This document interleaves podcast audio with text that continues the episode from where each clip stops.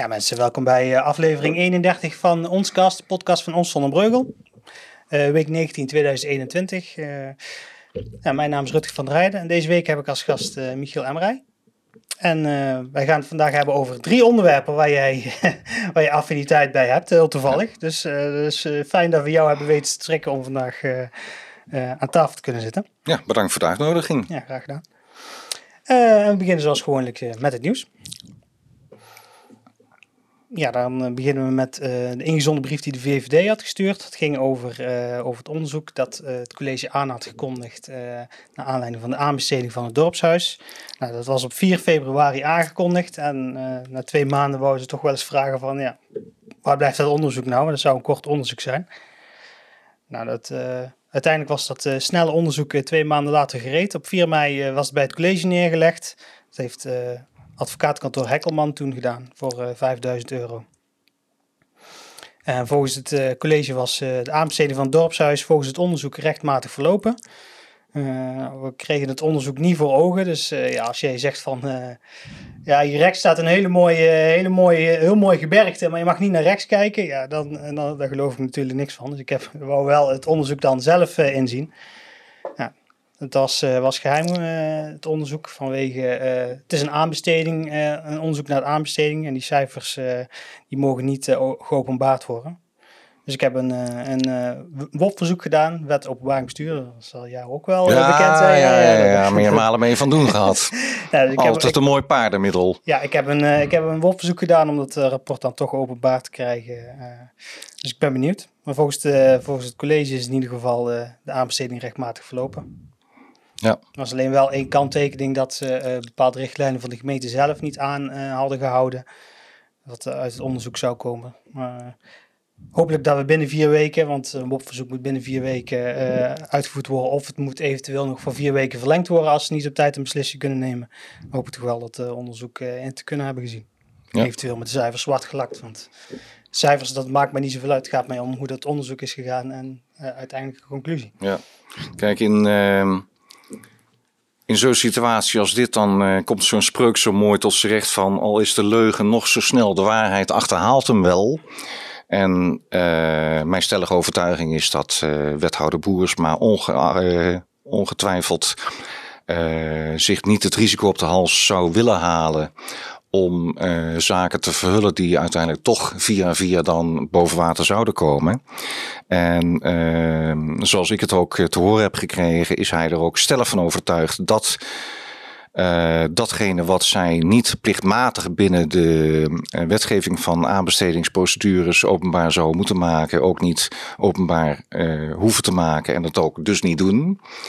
En uh, wordt er ook op uh, gehamerd dat ze zich uh, volledig aan de regelgeving gehouden hebben.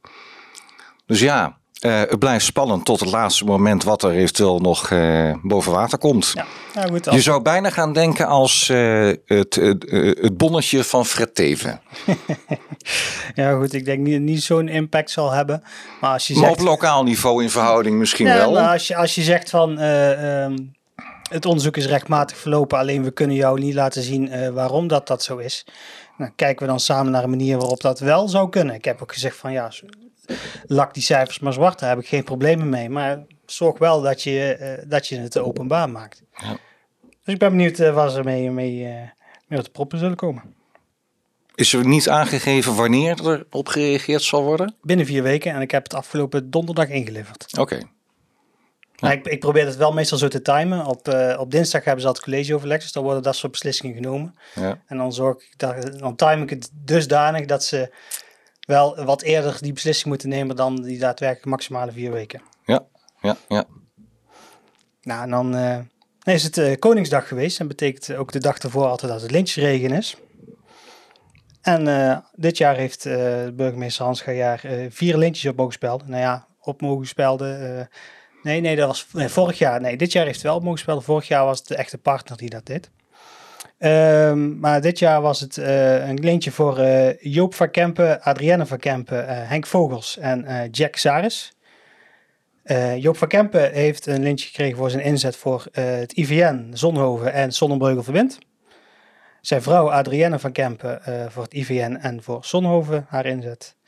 Henk Vogels, die heeft zich jarenlang ingezet voor onder andere SBC, de Krutschrapers. Ja. Voornamelijk Ja. voor de voor de zittingsavond. Ja. Eh, de Harmonie is hij voorzitter geweest en hij heeft ook eh, bij de eh, gemeente gewerkt. En heeft hij eh, niet alleen eh, gewoon gewerkt, maar heeft hij ook eh, heel veel eh, personeelszaken gedaan en eh, activiteiten georganiseerd. En Jack Saris ehm, heeft er een leentje gekregen voor zijn werk voor het eh, Open Jongerenwerk. In de jaren 60 was dat eh, voor de KNVB, voor eh, de Johan Cruijff Foundation en voor Berken Staten. Dus mocht jij een lintje willen, dan weet je dat je minimaal 15 jaar dat soort zaken moet doen. Nee, daar zit ik absoluut niet op te azen. Nee, Nee, dat en dan Koningsdag was geweest. de kinderen die, die op TikTok zetten, die konden een, eh, een, een fiets versieren en dan vervolgens die, die, eh, die fiets delen op, eh, op TikTok met de hashtag Koningsdag Sonnenbreugel. Ja, laten we hopen dat we volgend jaar weer een volwaardig eh, Koningsdag kunnen vieren. Met alle egaars en eh, ceremonieën met openluchtconcert van het Harmonieorkest. Wat altijd enorm gewaardeerd wordt, want dat missen we wel enorm als burgers. Ja, als je ziet hoe druk het is in de Gentiaan en in Breugel bij de boerderij. En weer een keer een mooie vuurwerkshow. Want ook dat wordt gemist. Ook dat wordt gemist, Ja. maar ik weet niet of dat in deze tijden van groene, groene inhaalslagen eh, nog gewaardeerd wordt. Ja, maar zolang het vuurwerkverbod nog niet landelijk eh, generiek ingevoerd is, zullen mensen daarnaar blijven verlangen en daarvoor eh, blijven opperen. En zijn, dat is dan ook een professionele vuurwerkshow, dus Ja, ja, er zijn meestal ook wel ontheffingen voor. Ja, ja. Maar er waren enkele kinderen die daar een, eh, mooie, mooie creatie hadden gemaakt van een fiets, van een bolderkar of van een skelter. Eh, wil je die filmpjes of foto's zien, dan eh, kun je op de site kijken. Dat is het mooie ervan, eh, als je het iets op TikTok deelt, dan kan ik het eh, ook op de site zetten. Leuk. Ja, ja. Nou, het kan jou ook niet ontgaan zijn. Je zei het straks al, van ik, ben er, eh, ik rij er tien keer per dag langs. Eh, de grote klaprozen die eh, langs de Dommel zijn eh, verschenen. Ja, het is geen- heel mooi, indrukwekkend initiatief. Ja. Absoluut. Ehm daar kwamen ook immens veel mensen eh, op af om daar foto's van te maken. De hele week. Het was juist jammer eh, dat het na een week of tien dagen ongeveer alweer weggehaald werd. Maar aan de andere kant, net op tijd voordat de storm het zou ruïneren. Hè, die eergisteren gewoed heeft. Ja, ja, ja. Want eh, dat zou het echt dan zou het verloren gegaan zijn. Maar eh, ik denk dat een hoop mensen het zouden toejuichen als het eh, op andere plekken ook geplaatst zou worden. Eh, als een soort art on tour initiatief. Om er mensen toch eh, meer kunnen, te kunnen laten kijken. En wellicht ook andere objecten te creëren. Om in het openbaar zo te, te, tentoon te stellen. Want ja, het, het, wordt enorm echt met lof eh, ontvangen. Ja, en ik zie het is in de, in de bij gedaan van eh Arjan Swinkels eh, langs de Dommel aan de Planetenlaan. En ik denk wel dat hij ook wel in is voor dat soort initiatieven, zolang zijn waterbuffers maar op afstand kunnen blijven. Ja, ja, ja. En bovendien die beestjes die vragen om aandacht. En die, hè, dus die hebben er denk ik volgens mij geen moeite mee Nee, gehad. nee, dat geloof ik. Het was uiteindelijk een Blijven initi- knuffeldieren, hè? Ja, het was, eh, het was een eh, initiatief van eh, Stans Egmond en Hanny, sorry, Nanny Houwen. Van Allemaal Theater. Die wouden voor wat gezelligheid en positiviteit zorgen. Nou, dat is volgens mij wel gelukt. Ehm, en ja, het waren uiteindelijk eh, 100 eh schuimplastic klaprozen van drie meter hoog. die sinds Koningsdag langs, de, langs de dommel stonden. En dat trok aardig wat bekijks. Zoveel mensen die eh, langs fietsen, even stoppen, een foto maken. ja, het, eh, het viel wel op. eh. en laten we het inderdaad hopen Sorry. dat er meer van dat Ja. soort eh, initiatieven komen. Ja. En dat was uiteindelijk een, een, een artikel van Omroep Brabant waar wij eh, samengewerkt hebben. En dan gaan we naar de Bondstraat. Ja, sorry, ik moest hem even uitzetten. Excuus, excuus. Gaan we naar de Bondstraat. Bondstraat, eh, daar hebben ze nieuwe huizen gebouwd. En die waren iets hoger geplaatst dan, eh, dan mensen denk ik eh, voor ogen hadden. Nou, dat 30 centimeter te hoog. Ja, En dat zorgde dus ook voor dat de stoep 30 centimeter hoger moest. ja, je zou bijna denken van... Er is op die plek al archeologische opgraving gedaan in het straatgedeelte... maar nog niet in het trottoirgedeelte. Je zou bijna gaan denken dat ze het expres opgehoogd hebben... om te vermijden dat er weer iemand zou gaan piepen... dat er opgraving gedaan zou moeten worden, ook op dat strookje. Gewoon, wie zouden dat toch zijn? Ja, de gebroeders Emmerij en Emmerij, hè? Ja. Ja, ja, ja. ja de, die stoep is daar aangelegd en mensen zagen al meteen van, nog voordat de stoep überhaupt uh, gemaakt was, van dit gaat niet goed. Die trottoirband uh, lag, uh, lag aardig hoger. Nou, uiteindelijk is uitvoerder H. Kuipers BV, die heeft een oplossing bedacht. Die heeft uiteindelijk over een lengte van 6 meter een helling gemaakt van 30 centimeter diep. Zorgt ervoor dat toch, de mensen toch een inrit en poort konden bereiken. Maar ja, er zijn dus ook mensen die op Bergstaat wonen, die nog graag even naar de Jumbo willen lopen. En dat mensen toch aardig denken van, ja, eh, hoe gaat dat uh, goed komen met, uh, met die oude mensen? Het is een uh, hele bizarre oplossing wat ze daar gecreëerd hebben. Want het is een van de meest in het oog springende looproutes voor rollatorgangers inderdaad van Bergstaten naar de supermarkt. En Zonhoven natuurlijk. En Zonhoven inderdaad ook, daar vlak naast. Uh, het is ongetwijfeld zodat mensen daar gewoon niet kunnen lopen, omdat het zo schuin afloopt op zo'n smalle strook trottoir, dat uh, rollators daar meteen wegrollen naar opzij en uh, uh, dat je daar dus gewoon absoluut niet stabiel kan lopen. En ik ik kan nog steeds niet begrijpen dat dat als oplossing geaccordeerd is door de gemeente. En dat daar niet gewoon een rigoureuze andere uh, bestrating aangelegd is. Want dit is onwerkbaar en uh, ontoegankelijk voor mensen. Ja, dat was uh, ook bij de aanleg. Voor de aanleg was er al door de Mooie Bruggenkrant het Eindhoven Dagblad aandacht aan besteed. Ik dacht van, ik wacht eventjes totdat er daadwerkelijk een oplossing is. Want je moet mensen wel de kans gunnen om een oplossing te verzinnen. En nou, dit was uiteindelijk de oplossing. Ja, heb ik geen oplossing dus. Heb ik tijdens Vragen Vrijdag op Instagram en Facebook gevraagd van, ja, is dit volgens jullie de juiste oplossing? 63% van de mensen vonden het niet de juiste oplossing. 139 stemmen waren dat tegenover 37% die het wel een goede oplossing vonden. En dat waren, oh, ik heb het aantal stemmen niet opgeschreven, maar nou, 37% was het in ieder geval. Uh, was het wel eens met, uh, met die stelling. Nou ja, ik, ik, uh, ik vind dit al genoeg aanleiding. Alleen al die uitslag als onderbouwing van het zogenaamde vermoeden.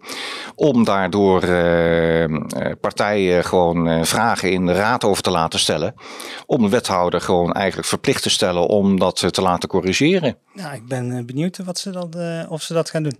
Want anders dan denk ik dat het lezerspodium eh, in de Mooie Zonnebreugelkrant er ongetwijfeld weer eh, gevuld in eh, gaat worden de komende weken. Door mensen die anders geen beweging en geen adequate oplossing gecreëerd zien worden. Nou, ik denk wel dat er vragen over gesteld gaan worden. Ik geloof dat het over twee weken weer politieke avond is. Als vervanging van, van de, de, de raadsvergaderingen. Dat daar best wel vragen over gesteld kunnen gaan worden. ik ben benieuwd. Ja.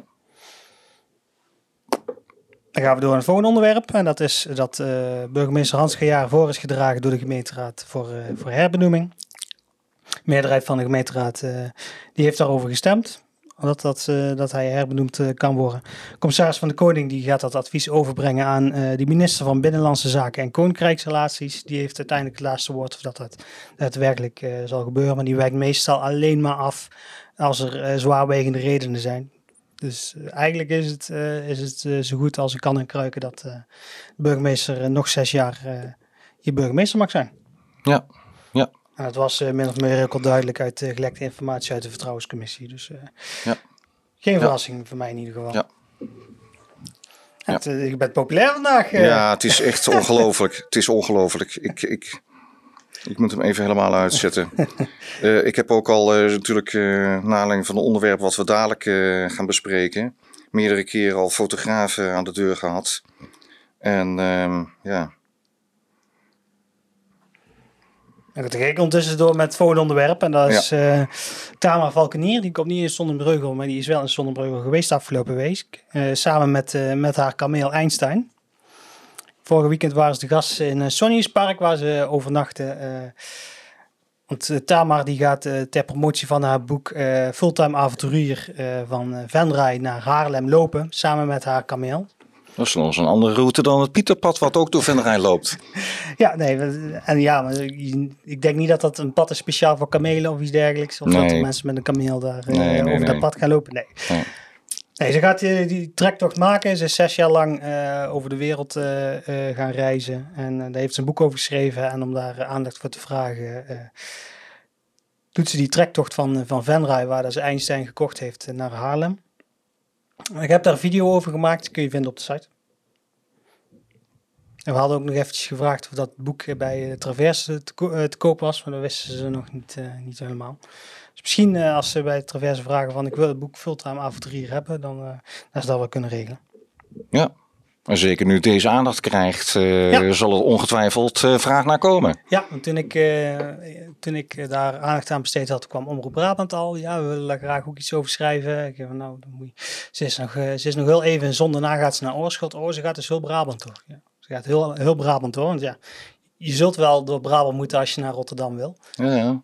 En van Rotterdam trekt ze dan naar Haarlem over het strand. En uh, toen is ze ook al op de radio geweest. Uh, Moos van de Bruggenkrant heeft er ook aandacht aan besteed. Uh, dus ik denk dat ze voorlopig nog wel de voldoende aandacht zal krijgen. Ja, ja, ja. En dan zie ik ook al aan de, de, de kijkers van, of het aantal views van, van de video die ik gemaakt had. Die blijft gewoon oplopen. Meestal is het, je maakt een video en dat is twee, drie dagen. Dan is de, is de trek er wel uit. Maar deze gaat nog steeds heel goed. dus ook de rest van Brabant, kijk mee. Ja, leuk. En dan gaan we naar de brandweer die aan de Besseweg een uh, klein bosbrandje had geblust. stond een, uh, een boom in, in, brand met wat, uh, wat veen eromheen. Hebben ze uiteindelijk geblust met, met gieters en een emmer. Ja, normaal gesproken dan komen ze met zijn toeters en bellen aan. Ja, en, met groot arsenaal aan, aan wagenpark, ja. ja zie je dat het ook makkelijk kan met een, met een gieter en met een emmer. Ja, ja, ja. Foto ervan kun je op de site vinden. In, uh, even teruggrijpend naar uh, een stukje geschiedenis rond uh, de bosbranden rond het Oude Meer. In 1976, toen uh, was ik weliswaar nog klein kind, maar toen scheurden wij, fietsten we met het halve dorp achter de brandweer aan. met de sirene bovenop de toen nog niet ja, net gerestaureerde kerktoren. Maar drie keer per dag brand bij het Oude Meer in de bos. Drie keer per dag zo allergisch reageert en terecht zo alert uh, reageert de brandweer op uh, brandmeldingen in het bosgebied. Ja, en tegenwoordig is het een stuk makkelijker, hè? want je loopt door dat bosgebied, uh, je ziet iets en je kunt met je mobiele telefoon bellen. Dat was toen ja. nog niet. ja, ja, ja, precies. Ja. Dus kun je nagaan. Ja, ja. En dan gaan we naar Samenloop voorop. Ja, ik moet Samenloop zeggen, want de KWF heeft de stekker getrokken uit, uh, uit de Samenloop voor Hoop. Dus uh, de organisatie uh, van Samenloop voor Hoop Zonnebreugel 2022 zat een beetje met handen in het haar. Van ja, waar gaan wij er nou mee doen? Uiteindelijk hebben ze eerst eventjes met de ambassadeurs en vrijwilligers en andere betrokkenen gesproken van ja jongens, we gaan, we gaan het anders doen en we weten nog niet wat. We willen graag input hebben. En ja, ze, hebben dus, ze zijn dus op zoek naar een andere invulling van het evenement dat ze volgend jaar gaan, gaan organiseren. Eigenlijk wouden ze dus een uh, 24 uur estafette organiseren rond, uh, rond de vijver aan de Europalaan. En ze zijn nu op zoek naar, naar iets anders. Ik heb zelf voorgesteld voor een benefietconcert. Dus als mensen een idee hebben, dan kunnen, ze bij, kunnen ze daar terecht. E-mailadres vind je op de site bij het bericht. Maar Reageer dus met z'n allen. Ja, ja. Want zonder reactie geen effect. Nee, nee en uh, het aandacht of de, de, het doel van uh, de activiteit die ze willen organiseren blijft wel hetzelfde. Dus het aandacht, aandacht, bewustwording en bespreekbaar maken van kanker uh, en daarvoor geld inzamelen. Heel mooi initiatief. Zeker. Inmiddels is kanker volksziekte nummer één aan het worden. de oncologen die hebben mij uh, recentelijk ook gemeld dat tien jaar geleden een op de tien Nederlanders ooit in zijn of haar leven een of andere kankervorm zou krijgen. En op dit moment is dat één op de vijf. En binnen nu en tien jaar is dat één op de drie. Zo hard grijpt het om zich heen. En uh, hart- en vaatziekte is dus uh, binnen nu en slechts enkele jaren niet meer volksziekte of doodsoorzaak nummer één. Maar Um, het is een, uh, een, een ongelooflijk epidemische uh, uh, situatie geworden. En daarom is het belang zo groot om daar alle mogelijke ondersteuning aan te bieden, te bieden om dat te ondersteunen, eigenlijk te bestrijden. Ja, het, corona, daar kun je nog eventueel tegen wapenen. Dus zie je nou wel met die vaccinatieslag die we nou aan het doen zijn. Tegen kanker kun je je niet wapenen. Dat is het jammer. Ja, ja het overkomt je. En ehm, het uh, erge eraan is dat uh, Nederland als Europees land het slechtste scoort op het gebied van kankergevallen per hoofd van de bevolking. Dat wil zeggen het meeste aantal kankergevallen per hoofd van de bevolking van alle landen in Europa. En uh, dat heeft alles te maken met onze levensstijl, waarbij uh, aangenomen wordt, ook door de medici, dat kanker kan ontstaan door de factoren stress, straling, voedingsmanipulatie, uh, respectievelijk uh, luchtvervuiling, of een combinatie van die factoren. En de erfelijke aanleg is maar een minuscule aanleiding. Die valt er bijna niet. Maar de leefomstandigheden en de leefstijl in Nederland is uh, zwaar debet eraan. Dat geloof ik. Ik heb het van Insight uh, van uh, een oncoloog in Eindhoven die ook op internationale congressen lezingen geeft en statistieken van alle landen verzamelt. Ja, ja, je zou denken van, ja, zon, of in, zon, in, Nederland is heel, uh, heel het zorgstelsel uh, goed opgezet. En daardoor zouden wij sne uh, kanker sneller ontdekken en sneller kunnen behandelen. De technieken zijn vooral de afgelopen tien jaar enorm verbeterd om doeltreffender behandelingen te kunnen plegen. Dat wil zeggen, in de jaren 80 en 90 werd chemokuur als een soort uh, afgevuurd op mensen in de hoop uh, daarmee effecten sorteren. Maar uh, dat was dan vanuit de insteek um, uh, beter, ja, beter dit dan geen behandeling. Um, en nu wordt dat veel meer heel specifiek toegespitst op het soort kanker en, um, en daarmee ook de dosering en de soort cocktail die toegediend wordt. En dan uiteraard het Radboud ziekenhuis, wat in, Eind in eh, Nijmegen al 40 jaar eh, ervaring heeft op het gebied van stamceltherapie. Laten we hopen dat uh, samenloop of een andere activiteit dus, volgend jaar door kan gaan. Om kankeronder, ja, kankeronderzoek, ondersteuning is dringend gewenst en enorm noodzakelijk. Ja, dan gaan we door naar het onderwerp waar wij eigenlijk voor in contact ja. zijn gekomen. Ja. ja. Want ehm, Han Muller en Mario Smulders van Radio SMB, die hadden een redactievergadering in het vestzak. En toen ze naar buiten liepen, uh, zagen ze opeens iets op de grond liggen. En dat was een, een dwergvleermuis, een, ja. een, een, kleine dode zwerfvleermuis. Ja, ja. En voor de mensen die, die het hele, hele poeha rond de sloop van de Sint-Petersbandenkerk mee hebben gemaakt, weten dat die beschermde vleermuis het, uh, de sloop tegen heeft gehouden. En uh, nou, dan ga je dus meteen vol op de rem staan als je zo'n, als je zo'n beestje uh, ziet. Ja. het beestje was, was gevonden tussen, tussen het gangetje van Vestzak en toekomstige dorpshuis. Nou, zijn ze de achterste gever zijn ze daar op dit moment aan het slopen. En toen hebben ze jou gebeld. Ja, ja. Want uh, er stond natuurlijk nog uh, in het geheugen dat in de afscheidsmis in uh, tweede kerstdag 2017 uh, er aan het eind van de mis een dode vleermuis aangetroffen werd in op de kerkvloer in het kerkgebouw. En dat was eigenlijk op de vooravond van de beoogde sloop van het gebouw. En werd ik daarbij gehaald en uh, hebben we ook de lokaal aanwezige pers direct erop gewezen. En die sprong er uiteraard graag met liefde en plezier bovenop. Ja, dat is een sensatie hè? Zo ja, daarom. Ja. Want ja, de vleermuis in zijn algemeenheid, ongeacht welke soort, is in Nederland beschermd. En dat betekent dat als vleermuizen in een gebouw aanwezig zijn, er het gebouw niet aangeroerd mag worden. Um, we hebben toen direct daarna de omgevingsdienst gebeld, eh, de milieuafdeling. En erop aangedrongen dat er uh, ingegrepen zou worden om de sloop uh, op te schorten.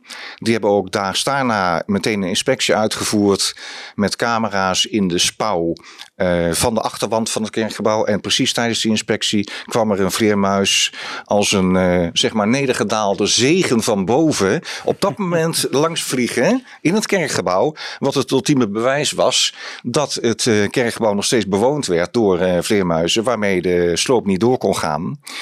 En de hele winterslaapperiode daarmee als uh, uh, opgelegde maatregel door de omgevingsdienst uh, sloop verbood.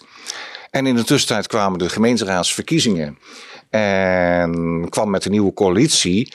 Uh, dus een uh, nieuwe wind uh, op, in het dorp waaien. Om het kerkgebouw alsnog te onderzoeken op haalbaarheid voor herbestemming tot dorpshuis in plaats van sloop en vervanging. Dus ja, met dat in het achterhoofd werd ik gebeld. S'avonds om half elf op, dat was 3 mei. Uh, om, om dus uh, te horen wat ik eraan ging doen. om wat half elf s'avonds, ja. Wat, ja. Jij, wat jij als eenzame burger uh, eventjes uh, komt doen om dat op te lossen. Juist, ja. juist. Ja, nou ja, toen heb ik ook aangegeven, ja, ik kan morgenochtend de Milieudienst uh, bellen. Op dit moment kan ik niet anders dan zelf erheen gaan en heb ik het vleermuisje veiliggesteld te plaatsen. Hij was zo klein. Uh, hij was maar 4,5 centimeter, heb ik gemeten. Het was dus een jonkie. En uh, ik heb er drie keer langs gelopen in het donker met mijn zaklantaarns voordat ik hem zag liggen. Zo klein bleek hij te zijn. Ja. En heb ik hem veiliggesteld in thuis in de diepvries gelegd om te conserveren. En de volgende morgen en s'avonds om uh, half twaalf de wethouder geappt om hem op de hoogte te stellen wat zich voorgedaan had en om een reactie gevraagd. En die heeft inderdaad de volgende morgen om half negen mij al gebeld. Want ja, die zag de bui al hangen. En uh, hebben we overleg gehad over uh, welke acties voor de rest ondernomen konden en moesten worden. Uh, om onderzoek te doen op de realistische vraag van kwam de vleermuis dan wel of niet A uit het kerkgebouw? en um, was het dan zo dat het dan uh, door toedoen van de werkzaamheden geweest was.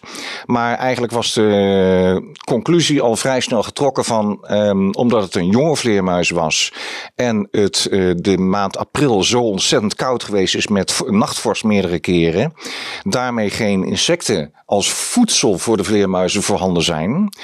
En er nestkasten, zowel recht boven die vindplaats aan de gevels van het uh, Vestzaktheater hangen, als ook natuurlijk de 50.000 euro uh, gekost hebbende vleermuistoren in het Vroonhovenpark uh, in gebruik is door de vleermuizen al sinds december 2020. En er ook nestkasten aan het pastoriegebouw hangen. en ze ook in de oude kerktoren nestelen. Is het eigenlijk was toen de conclusie nauwelijks mogelijk dat ze uit het in onderhanden zijnde kerkgebouw kwamen. En bovendien, um, het buitenblad van de achtergevel van de kerkgebouw was al nagenoeg volledig verwijderd vanwege die ombouw, hè, vanwege de aanbouw die eraan gaat komen. En je kon ook zien op, uh, op het binnenblad van die achterwand dat er geen enkele sporen of uh, vlekken van vleermuismest uh, aanwezig waren. En dus is het aannemelijk dat het niet uit het kerngebouw gekomen is. Dat waren de conclusies die toe getrokken zijn. Dus er was ook geen aanleiding om de Milieudienst erover in te lichten. En ehm, is het gewoon vastgesteld ehm, dat de bouw onge hindert eigenlijk verder kan gaan. Ja, ja het is, ze hebben inderdaad die vleermuistoren gebouwd en die nestkasten opgehangen om uh, die beesten volop de kans te geven om, uh, om zich ergens anders te nestelen. Nou, en als ze na al dit gesloop en gehak en weet ik veel wat allemaal nog niet weg zijn, ja, dan, dan weet ik het ook niet waarom, waarom ze nog daar zitten. Ja, nou ja, sowieso. Eh, omdat al in december 2020 vastgesteld was dat de vleermuistoren toen al door vleermuizen in gebruik genomen was, kun je successievelijk aannemen dat de winterslaap ook daarin gehouden is. Bovendien waren de condities in die vleermuistoren veel beter voor de vleermuizen dan in het kerkgebouw. Ja, speciaal voor gemaakt. Ergo, uh, er waren tochtgaten gecreëerd in die achtergevel. Al in 2018, uh, eh, na die melding door de Milieudienst, uh, of die inspectie door de Milieudienst. Juist met die tochtgaten die vleermuizen te ontmoedigen om daar weer de volgende winterslaaf te willen gaan houden. Ja. Dus dat heeft effect gesorteerd. Ja, maar je snapt natuurlijk wel coalitie of de oppositie die, die ja. ziet het nieuws en denkt, oh, kunnen, ja. de sloop, kunnen de sloop tegenhouden. Ja, ja, ja, ja. want uh, er worden natuurlijk alle mogelijke middelen uh, gezocht en aangegrepen in pogingen om die, uh, die ombouw op te schorten tot de volgende gemeenteraadsverkiezingen. En in de hoop dat er dan nog steeds een turning point in het vooruitzicht is om de ombouw verder te staken en alsnog andere plannen te ontwikkelen. Maar de projectleider van het kerkgebouw, die, waar ik ook intensief contact mee heb, als mede ook de wethouder verantwoordelijk voor de kerkgebouw, waar ik ook veel contact mee heb. Dat zijn Chris Sporen en, en Jan, Jan Boersma. Ja, die, uh, die hebben wat dat aangaat uh, ook uh, alle voorzichtigheid betracht in de, de, de opzet en de uitvoering van het ombouwen. En wordt ook stapsgewijs elke keer geëvalueerd wat er aangetroffen wordt, wat er gebeurt, wat er wel en niet kan. En word ik ook veelvuldig, zoals u net ook hebt gemerkt, want ik word ook vaak in weekenden over gebeld wanneer mensen weer denken te bespeuren die niet door de beugel zouden kunnen. Uh, ze zijn zeer omzichtig en contacteren mij ook veelvuldig om overleg te hebben uh, over uh, hoe en wat. Om zeg maar ook die oppositie uh, A, wind uit de zeilen te nemen, maar B, ook te nuanceren. En mij er ook in te betrekken in de nuancering naar het publiek toe. dat het allemaal nog steeds allemaal correct verloopt. En, goed, daar hebben we en daar heb ik ze ook op niet kunnen betrappen dat, dat, uh, dat daar dingen gebeurd zijn. Want daar komen we er straks nog even op wat betreft de archeologische ondergrond. Want ook daar uh, zit ik met mijn neus er bovenop. En ook uh, uiteraard de dorpsarcheoloog, mijn broer Geit Emmerij. om dat gewoon nauwgezet bijna dagelijks in de gaten te houden. En daar contact over te onderhouden. Nou, nu we het over jouw broer hebben, kunnen we denk ik doorgaan naar het volgende onderwerp. Ja. Want dat is, dat is inderdaad jouw broer Geit. Ja. Die heeft Wilhelminalaan nummer 11. Dat is, Bekend als De Villa. De Villa, inderdaad. Dat is uh, gemeentelijk eigendom en uh, Geit mag dat gebruiken als, uh, als werkplaats en als opslag voor zijn archeologische werk. En Geit is hard bezig om daar een, samen met jou om daar een gemeentelijk monument van te maken om voor de sloop te behoeden. Ja, ja, er zijn ook hele gedegen argumenten voor om daarvoor te pleiten. Um, bizar genoeg zijn er twee gelijksoortige pandjes uh, uit dezelfde bouwperiode in de Kerkstraat. Uh, wel als gemeentelijk monument uh, aangewezen. Ehm, waarbij dan weliswaar die uh, pandjes alleen woonhuisfunctie hadden, terwijl de villa aan Wilhelminalaan 11 uh, functie had van zowel woning als werkplaats, maar nadrukkelijk niet een boerderij geweest is, terwijl dus de monumentencommissie die een adviesrapport geschreven had op verzoek van de gemeente om uh, al dan niet al aan te wijzen en te adviseren als uh, monument uh, te bestempelen, het elke keer de titel boerderij gaf. En dat is voortgekomen uit de documentering door de Heemkundekring in het verleden al in de fotodatabank van dat pand als boerderijtje. Uh, dus dat is eigenlijk ingesleten en uh, zo door de monumentencommissie overgenomen. Ja, ik ben ook eventjes met, uh, met Geit bij het pand wezen kijken om ook om wat foto's te maken. En die zegt ook van ja, er is hier ook gewoon helemaal geen ruimte om, om, als, om dit als boerderij te laten fungeren. De, de tuin waar van de Wilhelminalaan 11 nu, daar liep eerst de Breakkerstraat. Ja. Dat was eerst de ingang van de straat, zou ik maar zeggen, die nu aan de voorzijde zit. Ja. In de jaren 40 is uh, de Breakerstraat, die toen uh, aan de noordkant van het pand uh, liep, richting dorpscentrum, richting Emmastraat, verlegd naar de zuidkant van het pand met die knik erin. Omdat toen de Julianastraat ook gebouwd werd. En de Breaker verder ook de Breakerstraat volgebouwd ging worden met huurwoningen van de voorzorg toen. Um, van oudsher. En uh, u moet weten dat uh, wij zijn opgegroeid op uh, 200 meter afstand van uh, de villa aan de Oranjestraat. En mijn ouders kwamen daar als een van de allereersten van de hele Break in 1956 daar een huis bouwen. En was de hele Break nog één grote, ehm, toen braakliggende vlakte. Waar met alleen een paar pandjes aan de Brekerstraat. En vroeger is dat altijd arm uh, akkerbouwgebied geweest. Echt arme grond. Het is klapzand. En ehm, daarmee zijn wij grootgebracht. Uh, op klapzand groeit bijna niks. En al helemaal geen akkerbouwproducten. Dus die grond is altijd veel te schraal geweest om daar echt uh, serieus een boerenbedrijf te kunnen runnen. En uh, het, is, het heeft meerdere functies gehad. Onder andere klompenmakerij. Ehm, maar boerderijen werden alleen maar gesticht in die eerste helft 19e eeuw. Direct in in omgeving van natte gronden. Um, en, en daar leende dat uh, hele uh, gebied Breker zich niet voor, want dat was eigenlijk um, stuifzand van het Oude Meergebied uit de tijd dat daar nog helemaal geen bos uh, geplant was. En zodoende was het alleen maar uh, ruimte voor woningbouw voor mensen die een plekje zochten en daar goedkoop aan, zeg maar, afdankertjes, grondstukjes uh, wilde komen. Ja. Want zo is het gebeurd. Ja, en het pand komt uit uh, 1839 als ik het, uh, als ik het begrijp. Ja. En eh, jullie geven aan van het heeft monumentale waarde en de monumentcommissie die had er onderzoek naar gedaan en die, die had het college anders voor, voorgelegd of ja, anders voorgeschreven. Ja, ik heb dat rapport zelf ook uh, bestudeerd op uh, dringend verzoek van uh, Geit. Om daar ook een, een, een uitspraak over te kunnen doen. Uh, ik ben ook uh, bij het gesprek uh, wat gij met de wethouder Jan Boersma en verantwoordelijk ambtenaar Henk van der Wal gevoerd heeft aanwezig geweest. Daar heb ik bij gezeten.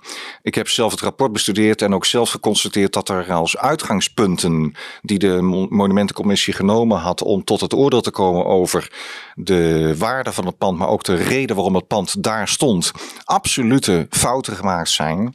En dan heb ik het over de functie die toebedeeld was aan de Breakerstraat als uh, oost-west-verbinding tussen het centrum Zon en, uh, zoals de Monumentencommissie het beschreven had, um, de gebieden Zwijnsbergen en Hoogstraat met een bruggetje op de Dommel, wat absoluut niet correct is, want op die plek heeft nooit een bruggetje gelegen, maar wel op andere plekken als Veebrugge. Maar de Brekerstraat was van oudsher een doodlopende straat naar die woningen die daar op dat klapzand gezet zijn. Uh, tot aan waar nu de Marijkenstraat uh, begint. En verder liep dat niet. Ja. Dus ja, als je de, de infrastructuur, geschiedenis en daarmee de cartografie uh, een beetje goed uh, kent en, uh, en daarin verdiept, dan zie je ook dat die uitgangspunten echt niet konden kloppen. En dat was voor mij ook aanleiding om uh, ondersteuning te bieden aan uh, Geit. Om, uh, om toch ja, kritiek te leveren op dat rapport. Omdat er uitgangspunten in staan die, ja, zoals gezegd. Hè, en is ook nu gelegenheid geboden aan Geit, een half jaar om een aanvullend uh, contra-onderzoek in te stellen en te rapporteren. Um, naar de hele bewoningsgeschiedenis en daarmee ook um, en de, de bouwkundige geschiedenis. Want zoals hij ook aangeeft, is het zo dat de volledige um, hout-skeletconstructie volledig intact aanwezig is, als mede de opkamer en de kelder.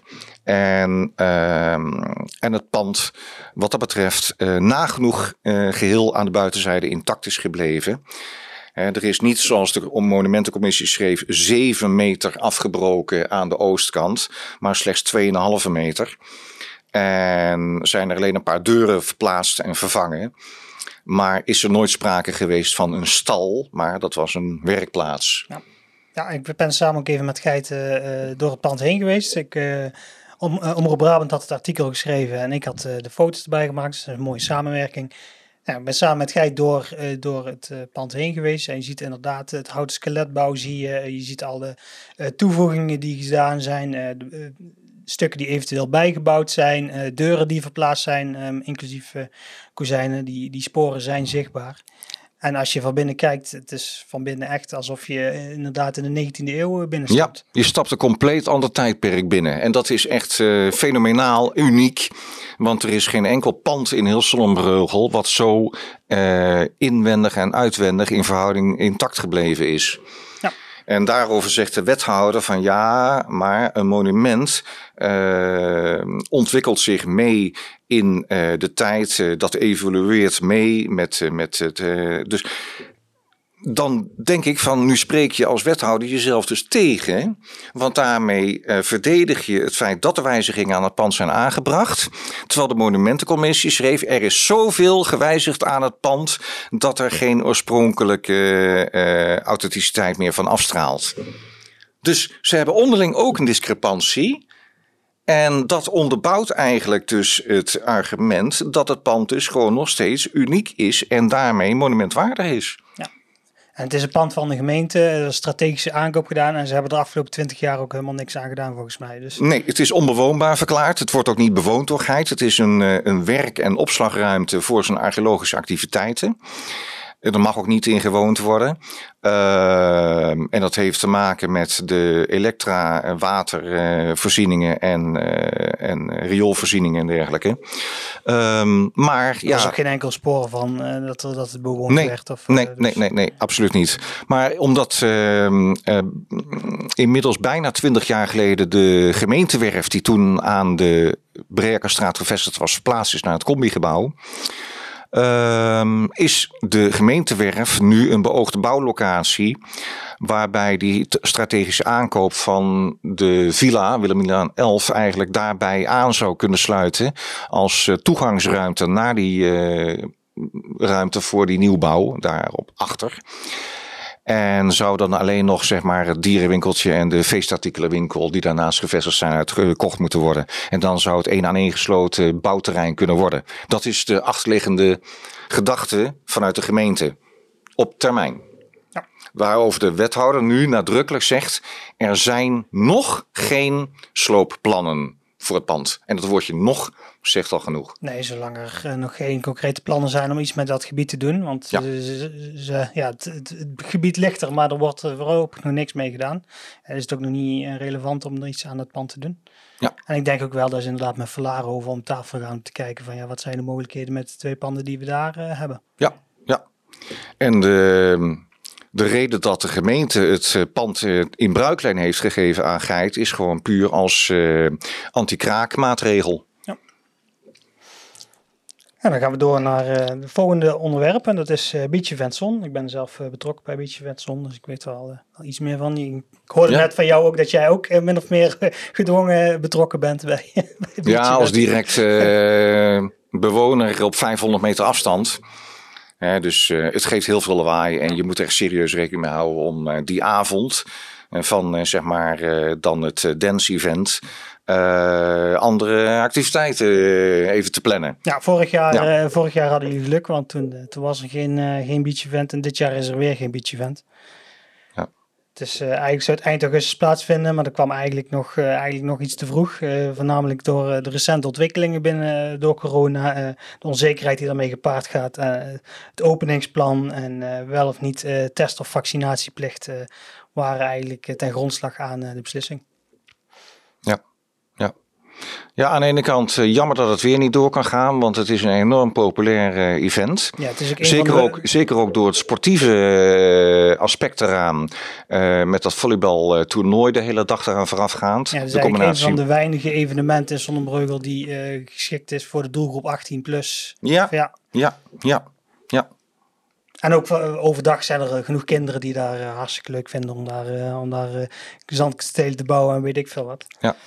Nou, jammer dat het weer niet door kan gaan, volgend jaar beter. Ja. En dan gaan we naar het laatste onderwerp en dat is uh, Medisch Centrum De Linde. Dat is uh, de dokterspost die, en uh, apotheek die aan het 17 septemberplein zit. Ja, die worden dagelijks nog meerdere malen gebeld met vragen over, over de vaccinatie. Twee vragen die daarbij veel terugkomen zijn wanneer ben ik aan de beurt en mag ik voorrang krijgen? Om wat voor reden dan ook. Ja. Nou, die geven aan van wij kunnen niks doen aan verzenden van de uitnodigingen. Dat wordt uh, door de overheid centraal gedaan. Behalve voor de mensen die uh, de griepprik ontvangen van, uh, van de Linde. Die krijgen automatisch een uitnodiging van hun. Want meestal koppelen ze die griepprik dan aan, ook aan een uitnodiging voor een vaccinatie. Er is geen reservelijst, er zijn geen restjes die ze hebben of iets dergelijks waar mensen op aanspraak kunnen maken. En ze kunnen ook geen voorrang regelen. Dus het is eventjes even geduld hebben. Wil je weten wanneer je aan de beurt bent ongeveer dan? Dan uh, vind je een link op de site in het bericht uh, naar uh, de Rijksoverheid, waar dat je een, een tijdlijn kan vinden wanneer je mogelijk aan de beurt kan zijn. Ja. Ja, het is een beetje een pechsituatie wat we hier in Sonnenbreugel hebben. Zoals ook tot in Den Haag bekend is, Sonnenbreugel is de meest vergrijzende gemeente van Nederland. We hebben ook 50% van de bevolkingssamenstelling in Sonnenbreugel als 50-plussers. En uh, door de gedoseerde bevoorrading van de verschillende vaccins uh, en de mm, logistiek uh, niet gelijk oplopende verspreiding naar de verschillende provincies in Nederland toe van die vaccins, uh, worden doelgroepen niet conform het bedachte uh, rijtje van de Hugo de Jonge afgewerkt. En uh, lopen er dus, vallen er gaten in de afwerking van de verschillende doelgroepen. En ja, dan, dan krijg je in de situatie als de Zonnebreugel dat heel veel doelgroepen nog steeds niet helemaal afgewerkt zijn. En daarmee gewoon de hitrate van mensen die zich achtergesteld voelen gewoon hoog scoort hier. Ja. Ik denk dat ik het zo moet benoemen van de situatie. Ja, er zijn heel veel mensen die daar een mening over hebben. Ik wacht gewoon wanneer ik aan de beurt ben. Ja. laten we hopen dat dat spoedig is, zodat we weer uh, een beetje normaal uh, door het leven kunnen. Ja, ja. Ik, ja. volgens mij vorige, vorige aflevering over. Ik heb een, uh, een Efteling abonnement en ik kan, daar gewoon, ik kan er gewoon niks mee omdat ze niet open mogen. Ik wil gewoon naar de Efteling kunnen. Dat is ja. iedere Brabant dat ja. graag wil. Ja. Ik uh, stel voor dat wij nog eventjes een kopje koffie gaan drinken en dan komen we daarna terug met het onderwerp dat jij aangedragen hebt. Heel goed. Yes? Ja. Tot zo. Tot zo.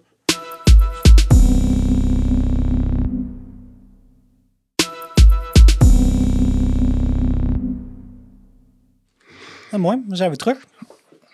En uh, Michiel Emmerij die zit nog steeds naast mij. En die, uh, die hebben we uitgenodigd om uh, sowieso om meer te vertellen over Wilhelmina Laan nummer 11. En de vleermuis die gevonden was tussen het toekomstige dorphuis en het vestzak. Maar je had zelf ook een, een onderwerp aangedragen die je graag wou bespreken. Ja, er is wat ehm, ehm, rumoer ontstaan een paar weken geleden rond het aanbrengen van hei- en boorpalen in het uh, om te bouwen kerkgebouw tot dorpshuis. Waarbij de archeologische ondergrond geraakt zou worden.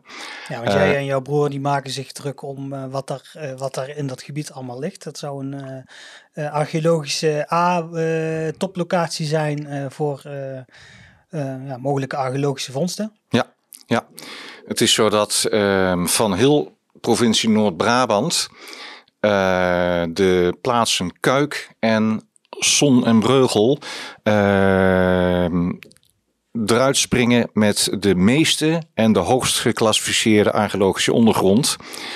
Uh, vanuit zowel uh, bronstijd, ijzertijd, steentijd, Romeinse tijd en de vroege, volle en late middeleeuwen. Uh, dat al die tijdperken in Kuik en in Sonnenbreugel terug te vinden zijn in de ondergrond, midden in het centrum van het dorp. En uh, het uh, gebied Kerkplein en Vroonhoven Park gedeelte tegen het kerkhof aan, maar ook het kerkhof zelf en een gedeelte van waar het kerkgebouw opgezet is in 1960, uh, eh, valt onder die hoogst geclassificeerde ondergrond. En dan kom je op een verdrag van Valletta, Malta, uh, waarin voor heel Europa geregeld is wat het beleid is, hoe omgegaan moet worden met archeologische uh, waarden, uh, toekenning en, en archeologische sporen behouden of conserveren of determineren, documenteren. En uh, dan zijn daar in een Nederlandse nationale wetgeving een aantal uh, punten uit geëffectueerd tot, tot nationale wetgeving. En die zegt in zo'n hoogste klasse, wanneer je meer dan 10 vierkante meter van de ondergrond gaat raken op meer dan 30 centimeter onder het maaiveld, um, ben je verplicht tot archeologisch onderzoek. Voor zover je de ondergrond aanmerkelijk gaat verstoren. En rond dat aanmerkelijke is het precies te doen in dit kerkgebouw. Uh, ga je de hele ondergrond uh, radicaal verstoren, oftewel aanmerkelijk verstoren, of ga je alleen uh, her en der een paal in de grond aanbrengen? Zo is het ontstaan. Ja, daar inderdaad het, het verhaal rond de heipalen. Ehm, er waren mensen die daar, die zagen de stukken in de Mooiste Bruggenkrant daarover. En die, die maakte zich druk over de roering van die ondergrond waar Ja. je het net over Ja, had. omdat het in, eh, immers ging over eh, 145 palen eh, binnen het kerkgebouw. Eh, en dan, dan is eigenlijk daarmee gewoon de, de, de, de onrust ontstaan van... dan ga je dus gewoon die ondergrond eh, grondig, radicaal, fors eh, verstoren. Dan moet er toch immers archeologisch onderzoek gedaan worden, zou je zeggen. Ehm, nou is dat heel specifiek eh, besproken door de verantwoordelijke wethouder en eh, projectleider van het eh, ombouwen van het kerkgebouw met de omgevingsdienst. Ze zijn Jan. Jan Boersma, wethouder en projectleider Chris Sporen. Ja, correct. Met Ria Bergfans. En zij is de archeologie-deskundige binnen de omgevingsdienst Zuidoost-Brabant. Waar ik ook weer rechtstreeks contact mee heb. Eh, en broer Geit, de dorpsarcheoloog uiteraard ook. Eh, dat overleg heeft ertoe geleid dat er een werkplan gemaakt is eh, in opdracht van de omgevingsdienst.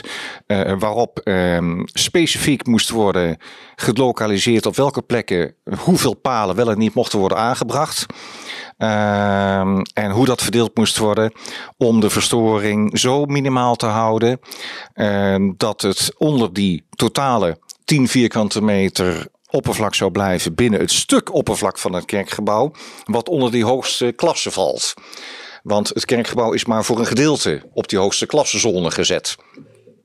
Dat zou betekenen dus op die, dat, stuk wat onder die, die, die klasse valt, die hoge klasse, Minder palen minder palen. en meer palen in de zone daarbuiten, correct. En dan nog een aantal palen ehm, buiten het kerkgebouw. Eh, aan de achterkant, waar alleen dan zeg maar de dagkapel en de kleedkamer van de eh, misdienaars en de technische ruimte eh, en bergruimte waren. Ja, daar, zijn, Ja. Daar, daar hebben ze afgelopen week, afgelopen weken helemaal gesloopt. Daar komt dadelijk een nieuwbouw tegenaan. En dan Ja. krijgen ze dus ook meteen de kans om daar extra palen in de grond te slaan. Ja, die zijn inmiddels al aangebracht. En ook daar heb ik daar de afgelopen week meerdere malen eh, gecontroleerd of daar niet diep in de grond eh, gewerkt werd. En dan eh, kom je op het feit dat vanuit zuidwest naar noordoost het oorspronkelijke terrein schuin afliep richting de Dommel. Vanuit de Nieuwstraat die op een dekzandrug ligt. Die van zuidwest naar noordoost loopt. Dus de Nieuwstraat ligt hoger dan bijvoorbeeld het kerkhof. En zelfs de middeleeuwse kerk was op een terp gebouwd. Vanwege het jaarlijks overstromen van dat hele gebied. eh, waarmee ook een deel van het kerkhof eh, in de jaren 50 opgehoogd is door de Heidemei. Om daarmee graven niet meer elke keer onder water te laten komen. En toen daar nog begraven werd. Ehm, maar omdat dat kerkgebouw dus op aflopend terrein gezet werd, is daar in 1959 ophoging gepleegd met een bijna een meter eh, verschil tussen de ene en de andere kant van het gebouw. Waarmee dus ehm, extra speelruimte nu goed uitkwam voor de mensen die dus eh, aan de ombouw van het kerkgebouw in de grond moesten werken voor het aanbrengen van die palen. Alsmede de koppen op die eh, palen aanbrengen waarop de vloer eh, gestort gaat worden. Ja, uiteindelijk zijn die palen dus nodig om als fundering Ja. te, te fungeren voor, Ja. voor die vloer dadelijk. Ja, het is omdat dat dus dat kerkgebouw zo ongelukkigerwijs op deels zandgrond en deels leemafzetting van de dommeloverstromingen staat. Ja, ik ben daar, Is ik, ja, om eventjes aan te haken, afgelopen, of een paar weken geleden ben ik samen met de projectleider Chris Sporen door het, eh, het gebouw heen gegaan. Hebben ze de vloer er helemaal uitgehaald en je staat inderdaad gewoon op zand. Ja, opge- dat is stortzand, dat is ophoging. Eh, ophogingszand waar de kerk eh, op staat. Waarbij alleen zeg maar de buitenmuren twee meter diep fundering hebben. Eh, vanwege de enorme draagvermogen die ze dus eh, moesten creëren voor die vrije overspanning.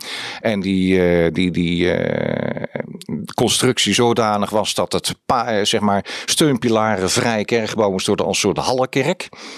Ehm, dus in, onder de buitenmuren is de grond al zwaar verstoord. In 1960 al bij de bouw. Heb je toen ook al archeologisch onderzoek gedaan Nee, bij die niets. verstoring? Niets. Nee, compleet niks. Toen waren er En- nog niet mensen zoals jij en Geit om daar druk over te Ja, maken. nou ja, inderdaad was toen de beleving van ehm, ehm, niet uh, bekendmaken, niet overzeuren. Uh, we moeten bouwen en we moeten door en uh, um, niet te veel rugbaarheid aangeven. Zo heeft ook bijvoorbeeld de aanleg van het voetgangers- en fietserstunneltje onder de Oude Nieuwstraat in 1965, midden in het centrum, gigantisch veel archeologische sporen vernietigd. Um, en ja, dat is gewoon uh, een, een leermoment geweest voor hoe daar nu mee omgegaan wordt. En zijn er ook sinds 2003 meerdere proefopgravingen gedaan uh, op diverse plekken op de Nieuwstraat, onder het kerkplein, aan de trappen van het kerkgebouw, waarbij elke keer gewoon 100% eh, scoren was, direct al op Romeinse sporen, bronstijdsporen, middeleeuwse sporen, ijzertijdsporen, gewoon anywhere wat is gewoon elke keer raak. En toen, uh, toen de zwaan nieuwe zalen kreeg, toen is ook eh, ja, geweest zeker. om daar uh, ja. de grond aan te roeren. Ja, want uh, je moet je zo voorstellen. Uh, er is een, een um, kerkveld geweest, zoals het genoemd wordt, vanaf de 10e eeuw. wat liep onder de middeleeuwse kerk en tot onder de huidige aanbouw van de Zwaan, helemaal naar het westen toe, tot tegen de Nieuwstraat aan. En dan uh, weer uh, terugbuigend naar het zuiden, deels onder het kerkgebouw door, weer richting het oosten. En dat kerkveld werd dus sinds de 10e eeuw gebruikt als kerkhof. En dat kerkveld is weer gelokaliseerd op die plek naar aanleiding van de Romeinse bewoningsgeschiedenis in datzelfde gebied. Um, en dat is ook de reden waarom dat kerkgebouw op dat kerkveld in de 14e eeuw eh, toegevoegd is aan een oud kerkje wat er al sinds de 10e eeuw stond. Hè, wat later geïntegreerd werd als priesterkoor in dat uh, middeleeuws kerkgebouw. Um, maar de ondergrond is schuin aflopend. En door dat schuin aflopende heb je dus een verhoogd maaiveld. Het oorspronkelijke maaiveld is er norm voor uh, grensbepaling voor uh, de ondergrond in te gaan met die 30 centimeter overschrijding. En dan die heipalen zijn zo verdeeld dat dan zo min mogelijk die archeologische ondergrond geraakt werd. En zoveel mogelijk daar buiten die hoogst geclassificeerde zone gewerkt werd. En het is zo dat ik ook de mogelijkheid heb gekregen om dat plan van plaatsbepaling van die uh, palen te zien te krijgen en daar persoonlijk op te kunnen controleren, wat ik ook gedaan heb in het kerkgebouw. want vanuit de erfgoedvereniging Heemkundekring Zonnebreugel uh, heb ik ook de bevoegdheid gekregen om als belanghebbende partij daar gewoon toegang toe te krijgen uh, als ik daarom vraag. Uh, en daar de mogelijkheid te krijgen om controle, controlerend op te treden. Ja, dus het is niet zo dat Stam en de Koning die op dit moment die ombouw aan het doen is, dat zij gewoon uh, klakkeloos in gang kunnen, laten, uh, kunnen gaan uh, zonder dat zij nee. mensen zoals de heen kunnen kringen of jou of ja, pertinent. daar in, voor informeren. Precies, dat kunnen ze pertinent niet en dat zijn ze zo heel wel bewust. En ik heb ook zelf ook beraadslaging gehad persoonlijk met de omgevingsdienst om te verifiëren of wat de wethouder Boersma daarover gezegd had over dat werkplan ook correct uh, weergegeven was. Of dat allemaal uh, ook wer werkelijk zo was. En dus hoor wederhoor. Um, waarbij ik ook ronduit tegen de wethouder Boersma gezegd heb dat ik dat bij de omgevingsdienst geverifieerd heb. Om daarmee ook het signaal af te geven um, dat ik natuurlijk naar de diverse instanties toe in het hele communicatienetwerk ook alles verifieer. En daarmee ook naar het publiek toe kan nuanceren dat het ook volgens de regels en de afspraken en de voorwaarden en de beperkingen die gesteld zijn door de omgevingsdienst uitgevoerd is en nog steeds wordt. Ja, naar aanleiding van dat artikel dat in de Mooiste Breukenkrant heeft gestaan, uh, inderdaad de oppositie meteen uh, als achterste poten van uh, wat is hier nou aan de hand? Het is niet de afspraak, maar Uiteindelijk uh, heb jij het uh, overzien en, uh, en, geef je aan van ze hebben er wel degelijk goed over nagedacht. Ja, en, en is het ook conform het plan en de voorwaarden en beperkingen die gesteld waren ook uitgevoerd en nageleefd. En op dit moment is het ook zo dat ook aan de achterkant van het kerkgebouw ehm, de achterwand van de, de, de buitenmuur van de achterwand van de kerk afgebroken is. Om daar aanbouw te plegen op de plek van de dagkapel en die uh, werken, uh, technische ruimtes en uh, kleedkamers. En daarbij werd dus ook wel ondergrond geraakt bij het opruimen van het uh, slooppuin. En heb ik ook gecontroleerd of daar niet te diep in de ondergrond gegaan werd. En ook dat bleef gewoon binnen de norm. En, want ook daar waren signalen vanuit het dorp gekomen van wordt er wel op gelet of dat niet de regels overschrijdt. En daar zitten we dus bovenop. Ja, dat is goed. ja. voor, voor degenen die het leuk vinden, als, je, als jij um, Snapchat hebt, Snapchat kun jij uh, op basis van de kaart kun jij zien uh, wat mensen openbaar delen. En er zijn dus ook heel veel mensen die aan het dorpshuis aan het werken zijn, die daar ook af en toe van die leuke uh, clipjes mee maken. Dus afgelopen week heb ik een video gezien hoe inderdaad hoe dat ze zo'n buitenmuur aan het slopen waren, gewoon van dichtbij. En dat ze van binnen, van binnen bezig waren met die, met die ondervloer. Dus dat is leuk om, om dat van binnenuit mee te maken op zo'n openbare manier. Ja, en deze week nog nog, en dat duurt niet lang meer, is er een unieke uitgelezen kans om unieke foto's te maken vanaf de achterkant van het kerkgebouw door de openingen in de achterwand en de voorgevel heen waar de ruiten weggehaald zijn. Om dus door het kerkgebouw heen te kunnen doorkijken naar de kerktoren. En dat je dus nu tijdelijk nog even, zeg maar, het beeld wat aan de voorgevel van de kerktoren hangt van uh, de heilige Petrus uh, kan zien als doorkijkje. Als ook zeg maar het, uh, de versieringen in het messelwerk van de toren. Wat een unieke blik werpt. En dat straks binnen nu en no time gewoon niet meer zichtbaar zal zijn. Ja, ik uh, altijd al. Voor de fotogeniek en de, voor, de, voor de fotofanatici uiteraard. Ja, ik, als ik hier naar de studio toe rijd, dan rijd ik door de nieuwsstraat. En dan verbaast mij inderdaad ook dat je gewoon nu dwars door het gebouw heen kunt kijken. Nu ja. die de raampartijen er allemaal uit zijn. Ja. Dus grijp je kans en doe er iets leuks mee. Ja, ik zie ook regelmatig animaties maakt bijvoorbeeld uh, leuke foto's als ze er voorbij rijdt. En uh, die is volgens mij ook regelmatig met de fotocamera daar, uh, daar te vinden. Ik denk dat ik binnenkort ook eens een keer een afspraak maken met Chris om nog eens een keer wat goede foto's te maken tijdens de verbouwing. Dus, dus ja. altijd leuk om zo'n proces te laten zien. En het is ook iets wat je bewaart voor, voor het nageslacht. Hè? Dat, zeker, zeker. Voor de toekomstige geiten en Michiel zich gaan roeren over... nou, als je kijkt bijvoorbeeld naar wat heen kunt kring iedere week publiceert die foto's van eh, Ben van Oorschot bijvoorbeeld. Dat is een schat en informatie. En dat over 50 jaar uh, moeten dit soort foto's dan ook een uniek kijkje geven van uh, hoe, dat, hoe was het ook alweer voordat het een dorpshuis was. Ja, ja, en sowieso uh, wil ik nog aan toevoegen, over een x aantal uh, decennia, als dan zeg maar het uh, huidige te creëren dorpshuis, zeg maar zijn gebruiksfuncties weer zou gaan verliezen in de toekomst. Ja, Daar wordt het nu als doos-in-doos bouwconstructie gecreëerd, zodat binnen de buitenmuren die dan blijven staan, over enkele decennia wederom alles wat erin gebouwd wordt nu weer eruit gehaald kan worden. En dan weer een nieuwe bestemming aangegeven kan worden. En dan haak ik nog even terug naar wat ik er straks zei over die uitgangspunten van dat uh, verdrag van uh, Valletta.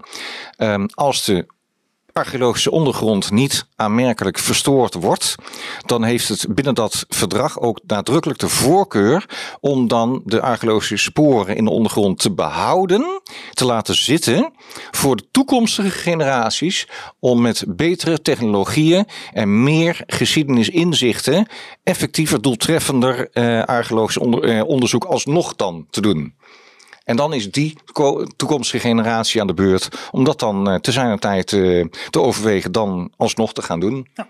En we hebben van de week ook uh, nog even gesproken over archeologische fondsen die, die daar in de omgeving zijn gedaan. En welke plannen er uiteindelijk dan voor het dorpshuis zijn. Ja, um, vanuit de Heemkundekring heb ik gepleit bij zowel wethouder Boersma als bij de projectleider Chris Sporen om uh, in ieder geval twee dingen te creëren binnen het dorpshuis op het gebied van archeologie. Enerzijds is dat een uh, op te stellen permanente expositievitrine, uh, waarin we met wisselende samenstelling van objecten uh, van zowel eigen collectie van de Hemekundenkring als uh, de in mei in beheer genomen materialen bij eerdere oprapingen bij graafwerk in het Kerkplein. Als uit het uh, provinciaal depot van archeologie in Den Bosch materialen te exposeren in die vitrines voor het publiek om zeg maar archeologie zichtbaar te maken. Um, een tweede object is, um, er zijn bij de afbraak van de middeleeuwse kerk na de brand in 1958 twee grafstenen uh, veiliggesteld. En die hebben vanaf 1960 tot bij uh, de start van de ombouw van het kerkgebouw in een hoek van het kerkgebouw tegen de muur gestaan. En uh, wordt er nu aan gewerkt om een nieuw graf te creëren in de vloer van het dorpshuis. Waar dan die twee grafstenen naast elkaar komen te liggen onder een glazen plaat met verlichting erbij en een paar archeologische objecten die te maken hebben met die graven. Dat wil zeggen skeletdelen en uh, wat uh, potten. Uh, die een, een permanente uh, expo-functie krijgen in het dorpshuis. Waarmee die grafstenen uit 1563 en 1603 uh, dan ook voor het publiek zichtbaar en behouden blijven. Ja, dus komt het eigenlijk in de vloer van het dorpshuis. Ja. komt een soort gla een glasplaat te liggen. Waaronder, en onder die glasplaat ja. liggen dan archeologisch, ja. archeologisch materiaal. Ja, en dan met die twee grafstenen. Ja, als je voor de mensen die ooit in Eindhoven in het centrum zijn bij de Sint-Katharinekerk. Als je daar de trap oploopt dan heb je ook zo'n uh, glasplaat waarbij een zo'n skelet uh, die ze daar uh, gevonden hebben ook tentoon wordt gesteld. Dus daar ja. kunnen we een beetje aan denken. Ja, en uh, ook daarop inhakend heb ik ook met Chris Spoor, de projectleider, het er ook over gehad. Dat zeg maar wanneer mensen met schoenen met vel aan de zolen daar over die glasplaten lopen, dat die glasplaten dan helemaal vertroebelen en uh, bekrast en ondoorzichtig worden. En daarvan heeft hij ook aangegeven dat er dan ook gekozen wordt voor een een hard uh, geperst glas plaatskwaliteit. en de nood, desnoods na een aantal jaren te vervangen. Nou, leuk. Ja. Dat we dat soort archeologische ja. ja. ontdekkingen gewoon permanent. ja, men ziet de waarde er ook van in als je ook gewoon kan ehm, onderbouwen en, en, en ehm, kwalificeren wat de geschiedenisachtergrond uh, is van ervan. En er komen ook tekstplaatjes bij te staan. Zowel bij die vitrine als ook bij die uh, grafstenen. Permanente tekstplaatjes met informatie uh, over de geschiedenis ervan. Nou, leuk. Ja. Ben benieuwd. Ja. Nou, dan kunnen wij richting de afronding van, van deze aflevering gaan. Uh, vragen vrijdag hebben we het over gehad. We hebben de vraag gesteld van uh, wat vind je van wat er in de Bondstraat aan oplossing is gebeurd. Dan gaan we naar waar je ons allemaal kunt vinden van Ons Zonnebreugel. Je kunt het natuurlijk vinden op de website onszonnebreugel.nl. Uh, op Facebook, Twitter, Instagram en op YouTube kun je ons vinden onder Ons Zonnebreugel. Waar kunnen ze jou vinden als jij op... Onder hkkzonnenbreugel.nl. Dat is de websitenaam van de erfgoedvereniging Hemenkundekring Zonnebreugel. dus hkkzonnenbreugel.nl. En uh, verder uh, kan ik u van harte aanbevelen om uh, mij gewoon te bellen. Om rechtstreeks uit de eerste hand informatie te krijgen als u vragen hebt over archeologie of over activiteiten binnen het centrum van Zon waarvan u denkt van mag dat wel, kan dat wel. Dan kunt u mij vinden gewoon door te googlen op mijn voornaam, achternaam, Michiel Emmerij. En Emmerij is dan met een Grieks ei op het achter, achteraan de achternaam. Dus Michiel Emmerij, als je daarop googelt, dan krijg je gelijk mijn contactgegevens in beeld. Nou, heel mooi. Ja, de podcast die kun je vinden op uh, onder andere Spotify, Google Podcasts en Apple Podcasts. Als mede op uh, YouTube voor de mensen die meekijken. Of natuurlijk op de site natuurlijk. En dan zijn we klaar. En dan wil ik jou hartelijk danken voor, jou, uh, voor jouw komst. Ja, ja ook bedankt voor, nogmaals voor, voor de uitnodiging voor en voor de mogelijkheid om dit allemaal te vertellen. Ja, voor jouw toelichting op, uh, op drie onderwerpen. Toevallig twee, uh, twee actuele en eentje die je zelf aangedragen hebt. Dus voor de mensen die graag wat meer toelichting willen geven ergens ooit over een onderwerp dat inwoners zonder Breugel aangaat, de uitnodiging staat. Ja. Dan, en, ik ben graag bereid om altijd alles te vertellen wat u uh, als vragen hebt. Ja, misschien dat we jou binnen, we hebben het uh, buiten de uitzending om gehad. Misschien dat we jou binnenkort weer uh, terug gaan vragen in de toekomst over dit soort onderwerpen. Ik, ik, vind het hartstikke interessant om over de geschiedenis van Zonnebreugel te leren. En waar kun je dan beter terecht als bij de gebroeders Emmerij? Ja, ja, ja. ja. We zijn wat dat betreft geboren, opgegroeid en blijven plakken in Zonnebreugel. Uh, hè, met uh, ouders die in 1956 als een van de allereerste import uh, uit Zuid-Holland vandaan, dat hoor je ook aan mijn stem, in Zonnebreugel zijn komen wonen. Echt als de top 10 eerste importmensen. Met toen nog zeg maar het dorp zoals het was voor de grote kolossale sloop in de jaren 60. En uh, altijd bijgebracht gekregen hebben hoe mooi het dorp was en hoe authentiek en uh, rijke geschiedenis uh, het dorp had. Ja, en altijd alleen maar bijgebracht gekregen in herinneringen, maar niet in beeld. En dat heeft ons eigenlijk getriggerd om ons daar mee bezig te willen houden. Om dat eigenlijk te achterhalen en te documenteren en uit te dragen. Nou, fijn dat we dat dat jullie dat op jullie hebben genomen. Want daar hebben wij op dit moment heel veel profijt van. Ja. En daar hebben we in de toekomst veel profijt van. Uh, het zal niet uh, altijd even, even goed ontvangen worden binnen, binnen de mensen die graag willen bouwen. Maar... Soms is het lastig, maar als je met elkaar samenwerkt, dan Juist. kom je in ieder geval altijd tot een hele mooie consensus. Juist. Dan gaan we het hierbij laten. Dan uh, nogmaals bedankt en tot over twee weken weer. Bedankt voor de aandacht.